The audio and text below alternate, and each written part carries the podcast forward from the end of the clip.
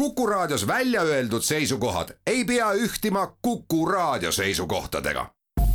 Te kuulate Kuku Raadiot.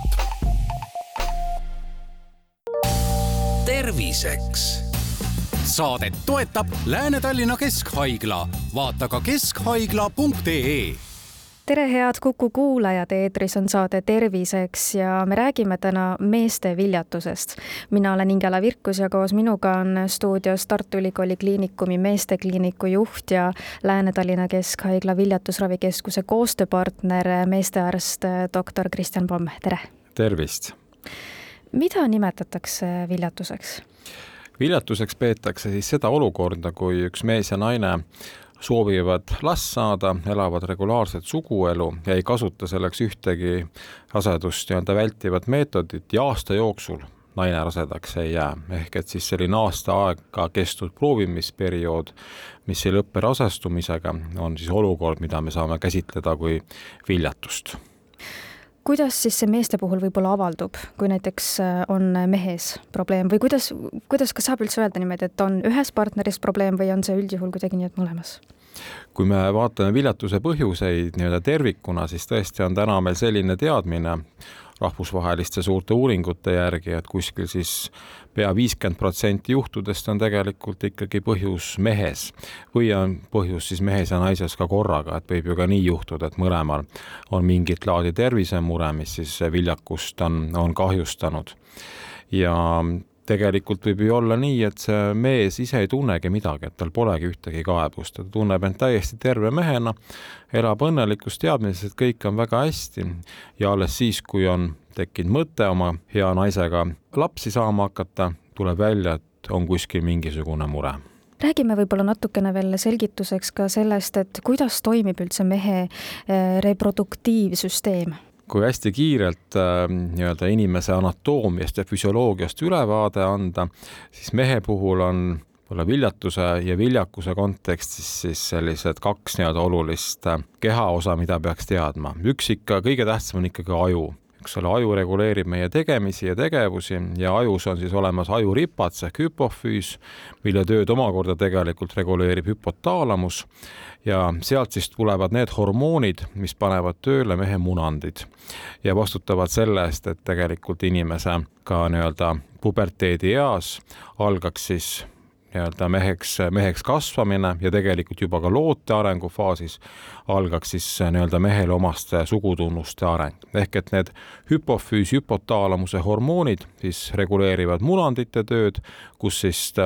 valmivad seemnerakud ehk spermatosoidid ja teine munandite roll on toota ka meessuguhormooni ehk testosterooni. ehk et siis see nii-öelda hormonaalne pool, hüpofüüs, hüpotaalamus ja munandid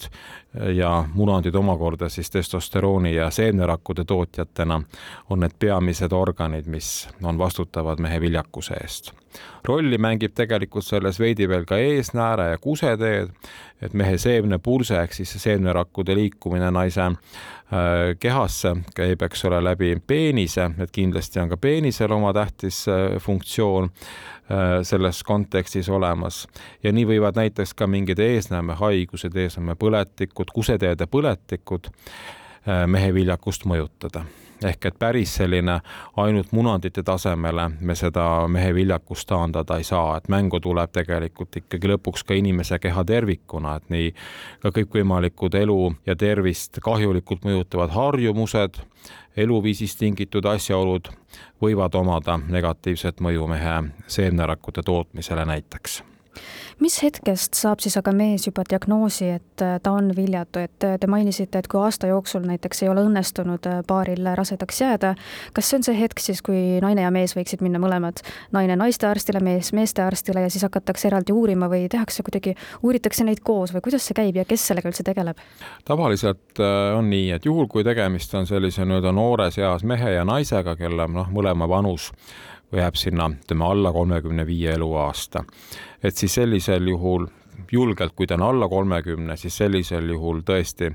aasta aega proovida, oleks täiesti selline mõistlik aeg, ehk et tõesti esimese kuuga rasedaks ikkagi jäävad nii-öelda üksikud, protsentuaalselt üksikud, et tavaliselt see võtab ikkagi aega kuskil neli kuni kuus kuud, et naine rasestuks. ja muidugi peab arvesse võtma, et siis ka suguelu oleks regulaarne, et mees ja naine ikkagi elaksid koos või vähemalt siis kohtuksid väga regulaarselt, et nad saaksid olla seksuaalvahekorras ka nendel aegadel, kui siis naise munarakud on valmis saanud, on toimunud ovulatsioon ehk et ka sellist nii-öelda poolt peab kindlasti uurima ja arvesse võtma. aga tõesti, juhul kui aasta jooksul ei ole rasedaks naine jäänud, siis oleks mõistlik, et naine läheb oma naistearsti juurde ja mees siis tuleb meestearsti juurde, kus tehakse erinevaid analüüse. juhul, kui nüüd vanusest veel rääkida, et tegu on mehe-naisega kelle vanus jääb sinna üle kolmekümne viie aasta või naise puhul juba läheneb neljakümnendatele eluaastatele, siis tegelikult võib-olla isegi tuleks juba sellise pooleaastase proovimise järel mis ei ole lõppenud rasedaks jäämisega, tulla naise naistearsti konsultatsioonile, mehel meestearsti konsultatsioonile, et naise vanus on siiski nii-öelda ajakriitilisust määrav äh, viljakuse kontekstis ja ei tohi nii-öelda neid parimaid äh, aegu nii-öelda maha magada ja jätta uuringuid, eks ole, õigel ajal tegemata. ja kui me mehe viljakust uurima asume, siis tegelikult äh, algab see mõnes mõttes sellest, et meestearst vaatab, kas mehe munandid ikkagi on normaalselt nii-öelda välja arenenud milline on nende munatütre toonus, milline on mehe üldine tervislik seisund, pluss tehakse siis äh, mõned spetsiifilised uuringud ehk et teeme spermaanalüüsi selleks, et siis näha, kui palju neid seemnerakke on, milline on nende seemnerakkude kvaliteet ja selleks on siis Maailma Tervishoiuorganisatsioon välja töötanud ka sellise väga põhjaliku spermaanalüüsi juhise ja ka normväärtused, mille järgi me saame siis hinnata, et kas mehe sperma kvaliteet on vastav ühele viljaka mehe tunnustele või mitte. ja sageli ehk pea alati käib siis selle spermaanalüüsi juurde ka nendesama hormoonide määramine, millest alguses juttu oli, et ehk et saada tervikpilt sellest, et kuidas inimese reproduktiivsüsteem toimib, kas hormonaalselt on kõik korras ja kas siis munadid suudavad neid seemnerakke kvaliteetsel hulgal toota millised on äh, tänase seisuga Eesti meeste sellised viljakusnäitajad? tegelikult ei saa kurta, et nii-öelda Eesti meeste selline nii-öelda geneetiline pagas äh, on ju hea. Ja, ja tõesti, kui me vaatame Eesti meeste, nii-öelda viljakate Eesti meeste spermaanalüüsi tervisenäitajad, mida me oleme oma meestekliiniku teadusuuringute raames ka analüüsinud, teinud sellise põneva uuringu nagu rasedate naiste meeste uuring ehk et valinud välja just need mehed, kelle naine on loomulikul teel õnnelikult rasedaks jäänud ja kõrvutanud need spermaanalüüsi parameetrid teistes riikides tehtud analoogsete uuringutega siis Eesti meeste viljakuse näitajad on väga head mis siis äh, meeste viljakust äh, kõige rohkem mõjutab ja, ja viljatust soosib? meeste viljatuse põhjuseid grupeerides saame me olukorda vaadelda näiteks nii, et ühe grupi moodustavad need juhtumid, kus on tegemist siis seemnerakkude tootmise häirega, ehk et seemnerakke on väga vähe. selle põhjuseks võib olla näiteks mingi hormonaalne põhjus, mingisugune munandi arenguhäirega seotud põhjus teise grupina me saame vaadata seda, kus seemnerakkude hulk on väga-väga hea, aga nende kvaliteet on väga kehv. näiteks võivad olla seal põhjused elustiilitegurid, võivad olla põhjuseks erinevad äh, ka kuseteede põletikud, suguteede põletikud, äh, mingid muud kaasuvad haigused, ravimite kasutamine, mis kahjustab viljakust äh, või ka elustiilist tulenevad mitmesugused asjaolud. Ning kolmanda grupi moodustavad äh, näiteks sellised juhtumid, kus äh, munand küll toodab väga hästi seemnerakke, aga on mingisugusel põhjusel tekkinud siis seemnerakkude liikumisteele sulgus, näiteks läbipõetud äh, suguhaiguse tagajärjel, mis on jäänud näiteks õigel ajal kunagi ammu-ammu ravimata või on ka kaasasündinud selline olukord, kus äh, seemnejuhad kahepoolselt on puudu ja munand küll toodab seemnerakke, aga seemnepurske väljuvas eakulaadis. Me seemnerakke ei leia. Viljatuse põhjuste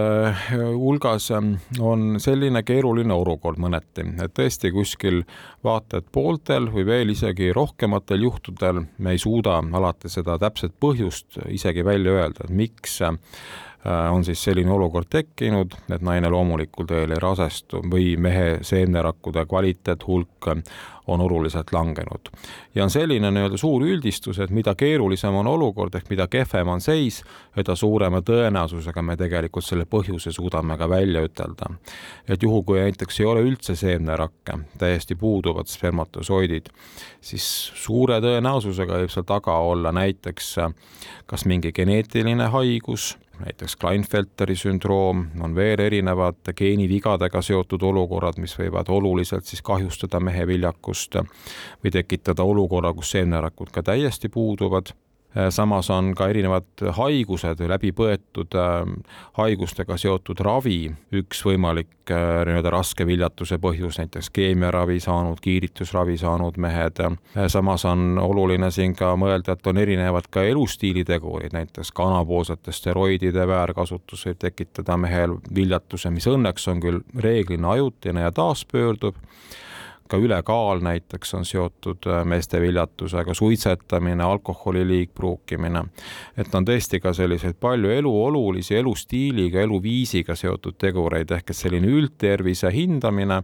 meeste viljatust uurides on kindlasti väga oluline, et selle nii-öelda sõlmkoha ja põhjuse me võimegi hoopis leida üles sellest, et mehe enda nii-öelda tervisekäitumine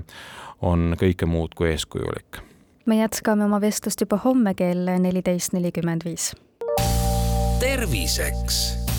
Saadet toetab Lääne-Tallinna Keskhaigla, vaata ka keskhaigla.ee